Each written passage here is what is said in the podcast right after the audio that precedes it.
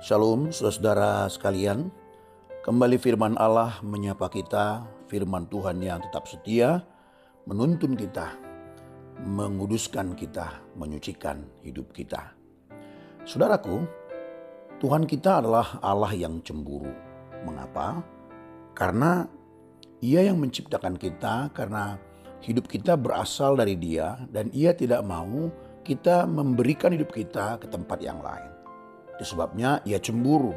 Ia tidak mau diduakan.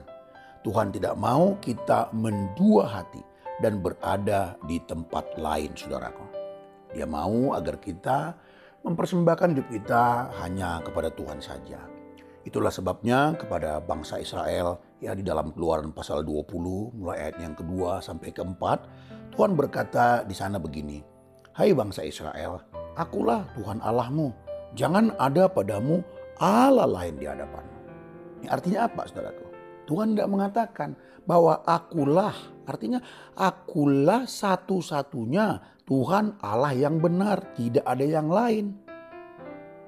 Ya, jadi jangan membuat Allah bagi dirimu sendiri karena memang Allah hanya satu, akulah Dia. Jadi Tuhan menegaskan kepada bangsa Israel bahwa Allah itu hanya satu yaitu dirinya saudaraku. Itu sebabnya diperintahkan kepada mereka agar tidak ada Allah lain atau tidak menciptakan Allah bagi diri mereka sendiri saudaraku. Namun inilah manusia yang sudah jatuh dalam dosa, cara berpikir kita pun sudah bias, sudah rusak saudaraku ya. Mudah sekali manusia itu tertipu, terperangkap kepada penyembahan berhala. Ya, dan dia menciptakan Allah bagi dirinya sendiri. Nah, Tuhan Yesus pun ya betapa Alkitab tuh serius sekali saudaraku terhadap uh, berhala ini. Makanya Tuhan Yesus juga mengulang di dalam Matius pasal 6 ayat 24. Tuhan Yesus juga mengingatkan kepada murid-muridnya, memerintahkan kepada murid-muridnya agar mereka menyembah kepada Allah saja. Mereka tidak dapat mengabdi kepada Allah dan kepada Mammon. Harus dipilih satu. Dan apa pun pilihannya, ada dampaknya atau ada konsekuensinya saudaraku yang terkasih. Nah sejujurnya perintah Tuhan agar kita tidak menduakan Tuhan itu untuk kebaikan kita saudaraku. Untuk kebaikan kita. Kalau kita membagi hati kita ya kepada Tuhan lalu kepada yang lain itu tidak akan mungkin menghasilkan kebahagiaan. Itu akan menghasilkan sebuah hati yang kering, hati yang tidak damai sejahtera, ketakutan dan lain sebagainya. Nah, jadi saudaraku perintah untuk uh, tidak menduakan Tuhan ini, ini untuk kebaikan kita saudaraku. Nah Paulus juga, Paulus juga saudaraku mengatakan bahwa hanya ada Allah hanya ada satu Allah saja. Di dalam 1 Korintus pasal 8 ayat yang ke-6 Paulus berkata bahwa bagi kita hanya ada satu Allah saja yaitu Bapa yang daripadanya berasal segala sesuatu. Dan satu Tuhan saja yaitu Yesus Kristus yang olehnya segala sesuatu telah dijadikan. Nah, jadi saudara-saudaraku yang terkasih ya berhala itu sangat berbahaya. Bahaya sekali berhala itu karena menjauhkan kita dari Tuhan. Itulah sebabnya Rasul Yohanes pun berkata, waspadalah terhadap segala berhala.